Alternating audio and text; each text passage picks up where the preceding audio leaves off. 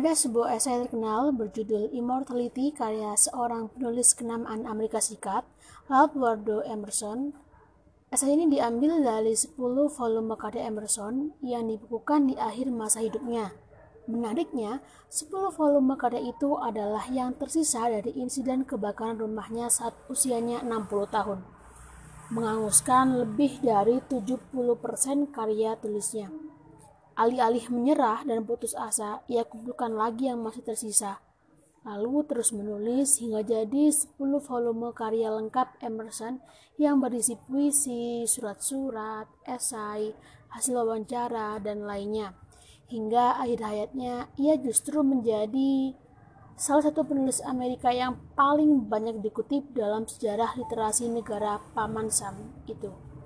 Kalimat yang saya tulis di atas terinspirasi dari Emerson. Ya, saya berjudul Immortality, tadi ia menulis, hidup ini bukan tentang durasi, tetapi tentang mengeluarkan jiwa dari perputaran waktu sebagai sebuah kerja pikiran yang paling agung.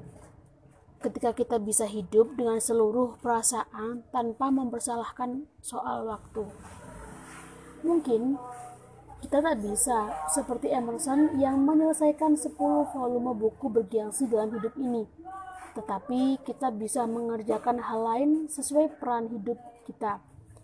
Bagi mereka yang bisa berkarya, kerja pikiran paling agung itu adalah saat berkarya.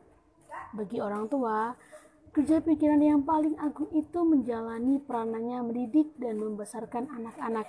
Bagi guru, mengajar bagi mereka yang mencintai, memberikan yang terbaik untuk kekasih. Bagi saya, ini penting. Hidup bukan tentang berapa lama kita menjalaninya, tetapi berapa dalam kita memaknainya. Jika kita berhasil memberi makna dalam hidup, kita bisa menghentikan waktu. Hidup kita tak diperbudak oleh durasinya. Waktu hidup, makna hidup. Sebuah bab dalam buku karya Fatpah Depi, Muda Berdaya Karya Raya.